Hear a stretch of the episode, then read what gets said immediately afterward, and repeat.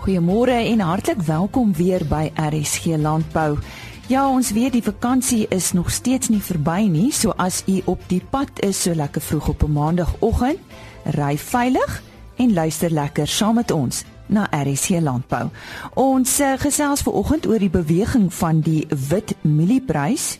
Dan gesels ons ook verder oor die hantering en versorging van miniatuurperde en die vestiging van skaapvoerkrale op plase stel opnuut uitdagings aan 'n produsent. Dr. Johan van Rensburg van Afriwet vertel meer hiervan. Eers dan die woord vir oggend, die onafhanklike tegniese analis Frans de Klerk en hy gesels oor die beweging van die witmielieprys. Môre Lize, dit is so lekker om julle te gesels in die nuwe jaar. So ons wens vir al die boere 'n fantastiese, vir die weidingsboere beslis 'n lekker nat jaar want ek het nog nooit gehoor dat 'n weidingsboer kla oor oor te veel reën nie, maar vir die mielieboere en vir die ander wat gesaai is plant hoop ons net dat julle absolute seën sal hê met die oeste want dit was 'n verskriklike paar jare. So, maar maar ons het gepraat laas jaar Lize en op 'n tyd toe het ek genoem dat die Desember witmielie kontrak 'n verskriklike wonderlike tegniese geleentheid bied omdat hy net heeltemal teen die ander ehm um, amper kan jy sê maande se kwart en wel maande se grafieke net nie wou lekker werk nie. Hy was so asof hy weggetrek het. Nou nou sit ons weer in presies dieselfde scenario. As ons nou kyk na die Januarie 2017 witmielie kontrak, dan lyk dit vir jou dat hy al reeds 'n bietjie kop opgetel het. Hy karring omtrent hierso in die rondheid. Wil ons moet kyk wat hy doen vir môre. Hy is nou in die omgewing van R3793. Die maartkontrak karring hier by R3492, maar nou sit jy met die Julie kontrak, die witmielie Julie kontrak en hy is by R2400. Nou omdat ek baie met landbouers werk en hulle my baie gereeld skakel, kom die een vraag kort kort na vore en dan sê hulle vir my Frans, ek het 'n mooi oes, dit lyk op die mielies mooi lyk, dit lyk of alles reg lyk, maar ek kan nie 'n pit verkoop teen R2400. Nou dit is nou presies dit wat ons nou kry. Die Maart en die Januarie kontrak verdiskonteer klaar al 'n lekker hoër prys, maar die Julie kontrak het nou basies jy kan sê in 10 sessies van R3100 geval na R2400. Ek wil dit is sommer 'n R700 daling as gevolg natuurlik van emosie met die pragtige reën. Nou, ons as tegniese beleggers kyk gewoonlik wanneer die emosie na een kant toe so ver gestrek raak dat mense uit vrees uit verkoop en te bang is om te koop want hulle glo die prys gaan nog steeds laer En dan weer aan die ander kant, wanneer almal nou weer te gierig is en dink die prys gaan weer te hoog en hy gaan nooit weer daal nie, dit is op daai punte wat ons as tegniese beleggers kyk. Nou ek wil nou amper vir die boere sê, as jy nou jou hand aan 'n bietjie spekulasie wil slaan of as jy wil 'n bietjie kontrakte koop omdat jy dalk nie mielies geplant het nie, of dat jy voel dat jy het mielies geplant, maar dat jy nie teen daai pryse kan verkoop nie, dan gee die mark, ag die Julie kontrak nou vir jou 'n paar dinge. Eerste Ons kyk dan sommer altyd na 'n indikator wat sê dat hy te ver geval. Ek gebruik altyd die die slow stochastic of kom ons sê die stochastiese indikator en daardie indikator se vlak nou Lize kan jy dit glo staan vir môre op 'n lae 3,2% uit 'n moontlike 100 uit. So dit beteken daardie prys van witmielies Julie is so in die grond ingeslaan dat as net een ou een pit weerhou in Julie maand dan kan hierdie prys styg styg. En daarom wil ek nou vir boere sê as ek na die grafiek so kyk, die eerste klein teken dat daardie Julie kontrak na boontoe wil beweeg, gaan wees bo R2400.10. En as hy bo R2410 gaan, dan kan die prys wonderlike spronge maak en ek gaan 'n paar vlakke vir die boere deurgee. En onthou nou, ons het dit met die Desember kontrak gesien. Na die opname daai tyd kan ek onthou so 14 dae nadat ek gepraat het, het die aksie begin en toe hardloop die prys wonderlik weg. Nou bo daai R2410 kan hy gaan na R2486, R2494, R2539 en die eerste stop daarbo is R2606. So wat ek vir myself sê, as die witmielie so oorverkoop is op die oomblik dat almal nie kan glo dat daardie prys eenvoudig kan styg nie, dan is ek bereid om nou 'n kontrak of twee te koop en ek sê vir myself hierdie aandeel af of hierdie prys kan baie maklik oor die R2600 gaan. En hoekom ek hou van die idee is ook dat die fundamentele kant dat 'n boer wat vandag plant mits hy 'n wonderwerk het van bo wat hy nie gewoonlik het met finansiële kant nie, kan hy nie lewer 'n oes teen R2400 nie. So ek wil nou vir die boere vanmôre sê hier's 'n wonderlike tegniese geleentheid om Julie witmielies te koop teen hierdie lae vlak, maar ek gaan vir hulle 'n keer verlies gee. In geval die prys laer daal, dan kan hulle dalk hulle hulle verlies bekamp en dit is teen R2270. Glo ek dat die prys kan laer gaan, maar dit sal raar wees. En om net hierdie deel van die emosie af te sluit, Lize, is dat boere moet altyd onthou dat 'n grafiek emosie weerspieël. En omdat dit nou so pragtig reën en dit mooi lyk as jy bietjie by by baie plekke kyk, natuurlik baie oeste lyk nog baie sleg. Maar as jy nou ry en jy sien van hulle wat mooi is, dan kom jy nou agter dat eintlik is almal nou so optimisties oor mielies dat hulle glo hier kom super super winste en dit is gewoonlik teen daardie tyd wat almal te optimisties is en dan wanneer daar net 'n bietjie droogte kom of iets net nie mooi lyk met die oes nie, dan spring die prys lekker op. So ek is positief oor die mielies. Ek dink hy kan lekker spring en dis veral die Julie kontrak aan die woord daar Frans de Klerk en sy e-posadres is fdk@telkomsa.net en môreoggend op RC Landbou kyk hy na die rand. En nou vir meer oor die Januarie uitgawe van Veeplaas Albert Loubser.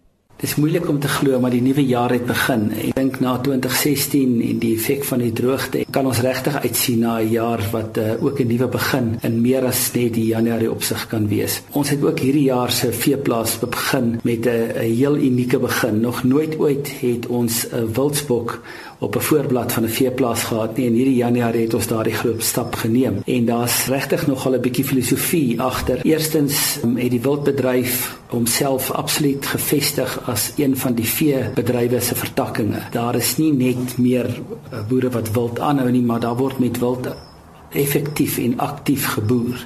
En baie veeboere het in die laaste 5 jaar 'n wildvertakking uh, uitgebrei en dit is uh, opmerklik hoe suksesvol hierdie boere is want hulle was suksesvol met vee dis daarom maklik om met wild suksesvol te wees. En dan die spesifieke fokus hoekom ons die die gemsbok op die voorblad het is die ontwikkeling van wildsvleis. Dis ongelooflik wat in die wêreld aan die gebeur is rondom wildvleis daar selfs uh, oosbloklande uh, en daar's 'n kort artikel daaroor in, in in die veeplaas wat nou met elande begin werk om wildvleisproduksie in Europa aan die gang te kry en dink 'n mens daaraan dat die enkel grootste uitvoerder van wildvleis in die wêreld naamlik Nieu-Seeland geen inheemse wildspesies gehad het ooit nie alles ingevoerde uh, whitetail deer waarmee hulle nou so effektief boer dat die naam venison in Engels vir wildvleis nou net deur hulle gebruik mag word as 'n woord van oorsprong en ons moet praat van game meat in in in Engels. So om te onderskat watter momentum hier opbou agter wildsvleis sou definitief 'n groot fout wees. Ek wil miskien net afskop met ietsie wat ek ook in die redakteursbrief uh, aangehaal het. En dit is dat as 'n mens aanhou doen wat jy normaal doen dan gaan jy aanhou om dieselfde resultate te kry. En daarom moet jy nie dink en jy moet nuwe dinge doen om beter resultate te kry. En kyk ons na 2016 ons kyk na die droogte en die ekonomie en al hierdie goed dan is dit inderdaad nodig om nie te dink en nuwe goed te doen. En die belangrikste ding wat ons voel boere kan doen is prestasieboerdery. Wanneer jy boer vir prestasie en en en en jou data gebruik om presisie boerdery praktyke toe te pas, dan plaas jy jouself definitief op 'n traject waar daar baie groter effektiwiteit, produktiwiteit en ook winsgewendheid vir jou voorlê, want meer van dit wat jy doen is in jou beheer. Dink die die hele gedagte van presisieboerdery wêreldwyd is waarskynlik een van die enkel grootste bewegings uh, in die onlangse verlede en dit is maar eintlik sleg dat ons in die veebedryf eers laat later hierdie spreekwoordelike trein geklim het. Uh van die ander bedrywe uh, spesifiek in die vrugte bedryf dink ek is ons al bietjie ver voor, maar dan het ons nou ook goeie lesse om daaruit te leer. Uh so gepraat van uh, lesse leer, die droogte het waarskynlik die grootste ekonomiese effek op die veebedryf gehad van enige iets wat in die laaste 2 dekades met ons gebeur het. En as ons nie die lesse leer wat daar te leer is nie, dan beteken dit dat ons net verloor. Uh, Isak Hofmeyer het 'n baie goeie artikel geskryf oor uh, Niels de Villiers in die in die Noord-Vrystaat watter lesse hy uit die droogte geleer het en hoe hy dit toepas. En dit is vir my opmerklik dat daar amper 'n filosofie dryf in die veebedryf om te sê wat het ons geleer en hoe maak ons dit beter dat wanneer daar weer 'n droogte kom want 'n droogte sal daar definitief weer wees dat ons meer voorberei daarop kan wees en dit beter kan weerstaan. In die um, vesel seksie het Jan Louis Venter van die NBKV ook 'n baie goeie artikel geskryf wat gaan oor die besoedeling en foute wat gemaak word met die klassering van wol en dan in die wildafdeling is daar 'n artikel oor wildsvleis en ek dink dis baie belangrik om om die wetenskap daarvan te verstaan. Uh, dit is nie sommer net 'n kommoditeit wat op die mark gegooi word nie. Daar's geweldige wetenskap daar agter. In die voedingsafdeling kyk ons hierdie maand na kuilvoer want dit is dan ook in hierdie maand wat die finaliste van 2016 se kuilvoer kompetisie besoek word. Dit gebeur inderdaad hierdie week. Ons het uh, vir die derde jaar agtereenvolgend 'n geweldige sterk uh, inskrywing gehad en die voorsteur van ons protokolkomitee wat uh, ook die voorsteur is van die kuilvoer komitee uh, Richard uh, Venter het 'n baie goeie artikel geskryf oor die belangrikheid van kuilvoer en dan kyk hy ook na die lesse wat ons kan leer uit vorige wenners. Ook in die voedingsafdeling is hier 'n baie goeie artikel wat om Andrius Gous geskryf het oor gemaalde bos, 'n letterlike boer wat 'n 'n masjien bekom het en sy indringbosse opkap en dit dan van sy vee voer en ek dink dit is nou een van die beste artikels wat wat uh, vir ons werklik wys hoe jy van 'n moeilike situasie of hoe jy uit 'n moeilike situasie voordeel kan trek. Definitief iets wat vir boere behoort te lees. In die telingsafdeling kyk ons onder andere na 'n artikel oor die Oos-Vrystaat se veldbilklub wat hierdie jaar 30 jaar oud word. En ek dink dit is verskriklik belangrik dat 'n mens erkenning gee aan die instellings in ons bedryf wat nou al in baie gevalle 'n hele paar jaar aankom. Dit is maklik om 'n ding op korttermyn sukses te doen, maar langtermyn volhoubaarheid is definitief die werklike toets. En as jy 30 jaar met 'n veldbilklub kan aangaan en mens nou net die artikel lees oor wie almal betrokke is en hoeveel rasse daarbey uh, betrokke is, dit is regtig iets spesiaals en ek dink 'n groot kompliment vir wat hulle reg gekry het. In die dieregesondheidsafdeling kyk ons in twee artikels 'n bietjie na inenting en dan vir my die absolute hoogtepunt van hierdie Januarie boek is hoe stewig ons veilingafdeling in hierdie uitgawe is. So definitief vir mense wat nog bulle en ramme wil koop, definitief die moeite werd om 'n bietjie te kyk wat is op die spyskaart in die in die volgende 2 maande. Ons het daar gehoor van Albert Loubser. Miniatuurperdjies het 'n lang en interessante geskiedenis. Volgens oorlewering is beendere van die perde in van die farao's van antieke Egipte se grafkamers gevind. Ons het verlede week met Corlezet Erasmus, die president van die Suid-Afrikaanse Miniatuurperd Telersgenootskap, oor die teel van en die mark vir miniatuurperdjies in Suid-Afrika gesels. Vanoggend fokus hy meer op die hantering en versorging van hierdie perdjies. Miniatuurperde se versorging is baie dieselfde as die van groot perde. Hulle moet ook jaarliks ingeënt word teen Afrika perdesiekte. Hulle moet op elke 6 maande ingeënt word teen perdegriep. Hulle moet gereeld ontworm word en hulle hoewe moet ook ongeveer elke 6 weke gedoen word. Miniatuurperde dieselfde afrigting en hantering nodig as hulle groter eweknie. Hulle is ongelooflik intelligent en is maklik om te leer. Hulle het gereelde oefening nodig. Hulle moet afgerig word om in die hand te skou of om gery te word en natuurlik om te spring of self karretjies te trek. Het miniatuurperde spesifieke voedingsbehoeftes? Miniatuurperde se behoeftes is baie dieselfde as groot groot perde. Natuurlik net in 'n baie kleiner hoeveelheid. Miniatuurperde is moontlik verskillend in die opsig dat hulle maklik te vet word. Daarom moet jy altyd bewus wees van die hoeveelheid energie in jou rantsoen en altyd kompenseer deur meer grobbigheid in jou rantsoen te gebruik. Of om meer oefening te gee. Die persentasie miniatuurperde wat werk is natuurlik minder teenoor die groter perde wat meer gebruik word vir fisiese harde werk soos spring of dresseer. Daarom is hulle behoeftes ook soveel minder. Ons kyk bietjie na kleur. Uh wat is die gewildste by teelers? Een van die kenmerke van die miniatuurperde is die verskeidenheid kleure waarin hulle voorkom. Enige kleur is aanvaarbaar by miniatuurperde en selfs blou oë is baie kenmerkend by miniatuurperde. Ek dink die Appaloosas is heidaglik die gewildste kleur. Appaloosas het die perde met die kolle op, maar dan kort op hulle hakke is sekerlik perde wat die silwergeen dra.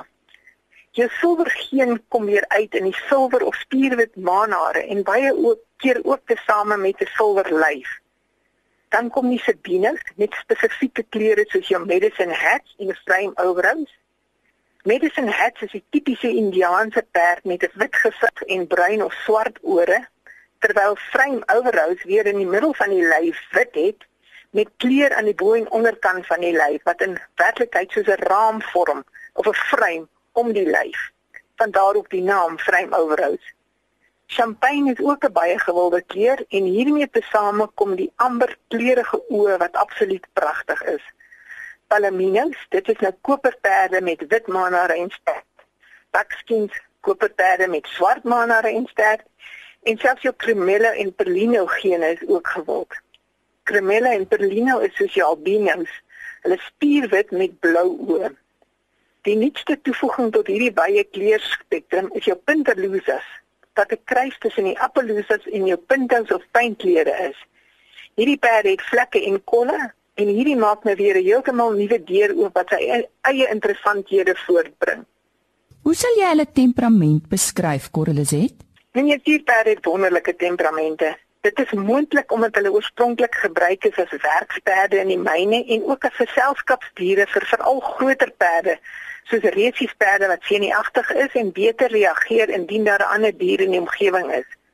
Hulle kan egter heeltemal bederf word wanneer mense uit die oog verloor dat hulle perde is en hulle dan so troeteldiere en kinders behandel. Soos jy genoem het, word miniatuurberde veral deesdae toenemend in terapie sessies gebruik. Nou vertel ons bietjie meer daarvan. Ja, miniatuurberde het hulle eie plek in die terapie wêreld oopgekap. Dit het ontstaan omdat hulle verdraagsaam en sag geaard is en ook omdat hulle klein is. Hulle kan maklik gelaai en vervoer word en hulle klim maklik in huispakke en ry selfs roltrappe. Hulle kom maklik in plekke soos kleuterskole, ouetehuis en klaskamers waar hulle sommer instap sonder te veel ontwrigting. Hulle word selde gery en hulle terapie bydra, maar word eerder benut vir sogenaamde pet therapy en weer eens vir companionship en vir alles kommunikasieverryking. 'n Kind kan 'n miniatuurpet in die oog kyk waar hy of sy in lyn met 'n groot knie vaskyk.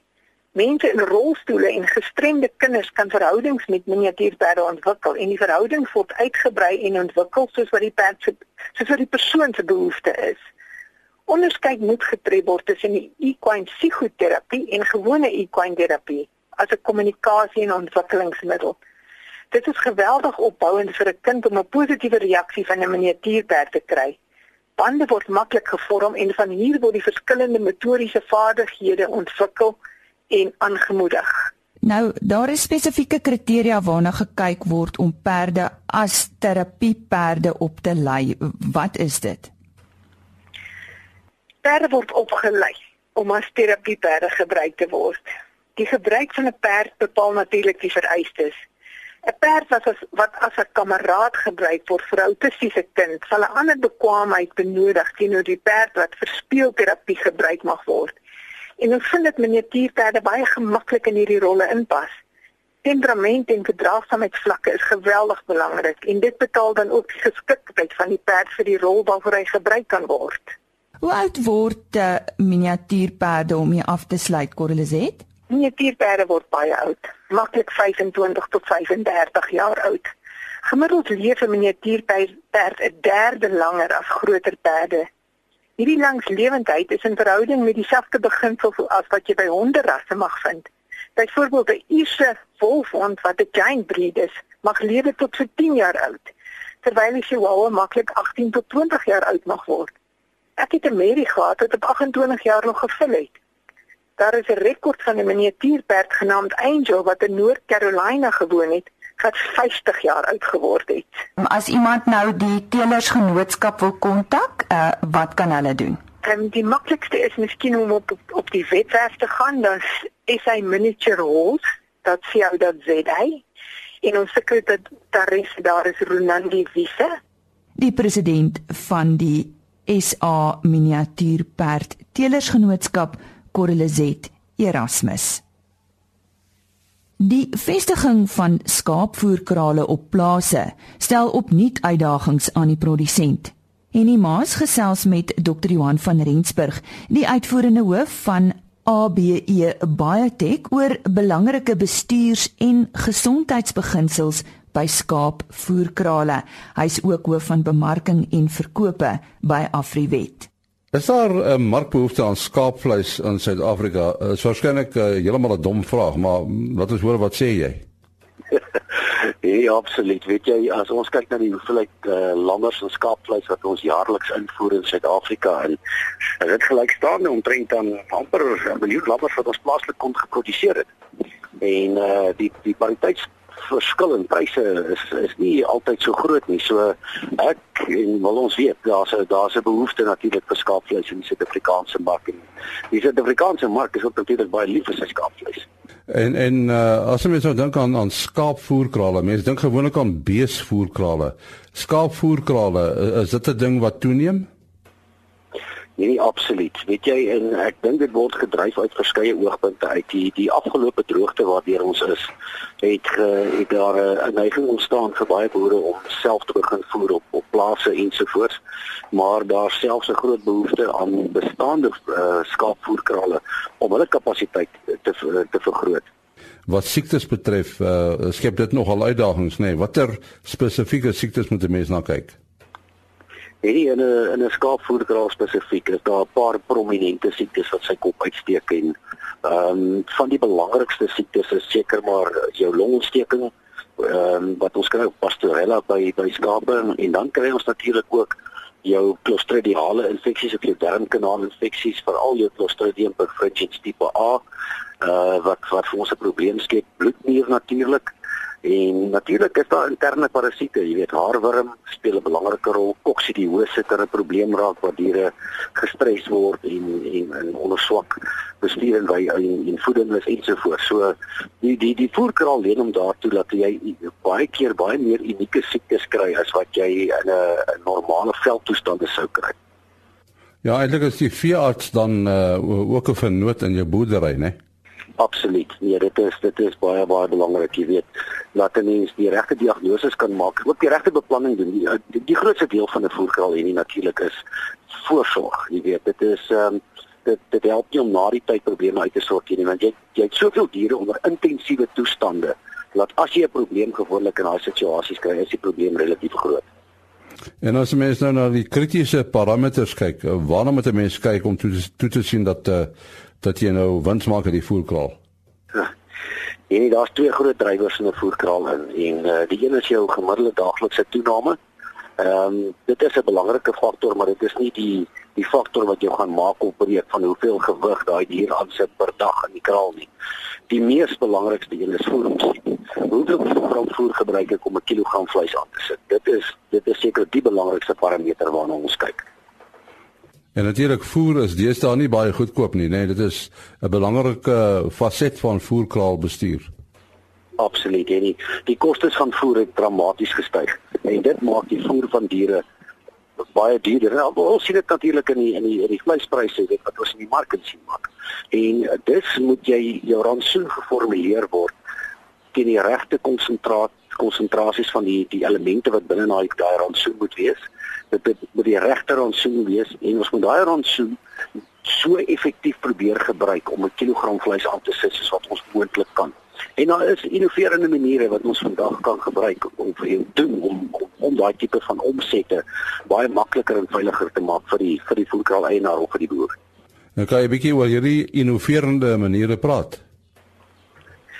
En nie absoluut, jy weet, die die een van die kritiese produkte wat ons deesdae gebruik is is probiotikas en uh, die belangrikste ene wat ons in skaapvoerkrale baie effektief en suksesvol gebruik is natuurlik die Megasphaera bakterieë wat ons in diere doseer voor die tyd voordat ons begin voer en uh, dit veroorsaak net dat die dat die die die hoeveelheid voer wat in daai rumen kom baie meer effektief gebruik word en dit verkort jou standaard dit verhoog jou jou gemiddelde daaglikse toenames dit verbeter jou voeromset en dit uh in steede daarvan dat jy as jy 'n voerkraal het waar jy omtrent 7 keer uh skape deur daai voerkraal in 'n jaar kan insit, kan jy met die gebruik van hierdie Megasfera bakterieë tot 8 8.1 keer 'n jaar deursit. So jy voer baie meer effektief en teen 'n laer risiko. En sodoende kan die boere natuurlik baie meer geld maak. Nou uh, as mense kyk na beesvoerkrale, die ouens praat oor voer omset. Uh, wat is die geval met skaapvoerkrale veral wat die verskillende rasse betref? Want nie alle rasse se voeromset is dieselfde nie. Nee, dit is nie dieselfde nie. En uh, dit is 'n uitdaging om om om 'n uh, verskil te sien wanneer jy skape voer, jy weet, tussen die verskeie rasse. Elke ras is uniek en elke ras het sy goeie eienskappe ook natuurlik in 'n voerkraal in. Die grootste uh, uitdaging wat ons natuurlik het is is dat of wat sien wat sy ras dit is nie, maar hoe ouer jou dier word, het uh, hoe swakker word jou voeromset dit het jy 'n periode in daai skaap se lewenstyd waar jy optimale voeromset het en die mens moet baie mooi gebruik maak van daai venster van geleentheid as ek dit so kan stel, jy weet, om daai dier reg te voer. Dorpersvoer versus merinos en donies en ander rasse ensovoorts verskil van mekaar. Maar daar is plek in die voerkraalstelsel om alle rasse te voer op die einde van die dag en nie daarin gesprek met Dr. Johan van Rensburg, hoof van bemarking en verkope by Afriwet. Kom ons kyk waarna u kan uitsien môreoggend op RC Landbou. Ons gebruikelike landboukalender kom weer in die beurt. Ja, die landboujaar het ook amptelik begin, sodat daar nou weer baie dinge waarna ons kan uitsien. Ek gesels met Tolly Jordaan van die Oos-Kaap. Hy's 'n wild bok en skaapboer en ook baie bekend vir sy teeling van die Kalahari Reds. En soos ek vroeër genoem het, die rand en landbou Frans de Klerk praat dan daaroor. So onthou môreoggend in te skakel weer vir RSC Landbou om 05:30. Totsiens. RSC Landbou is 'n produksie van Blast Publishing. Produksieregisseur Henny Maas. Aanbieding Lisa Roberts. En uitskoördineerder Martie Kerstyn.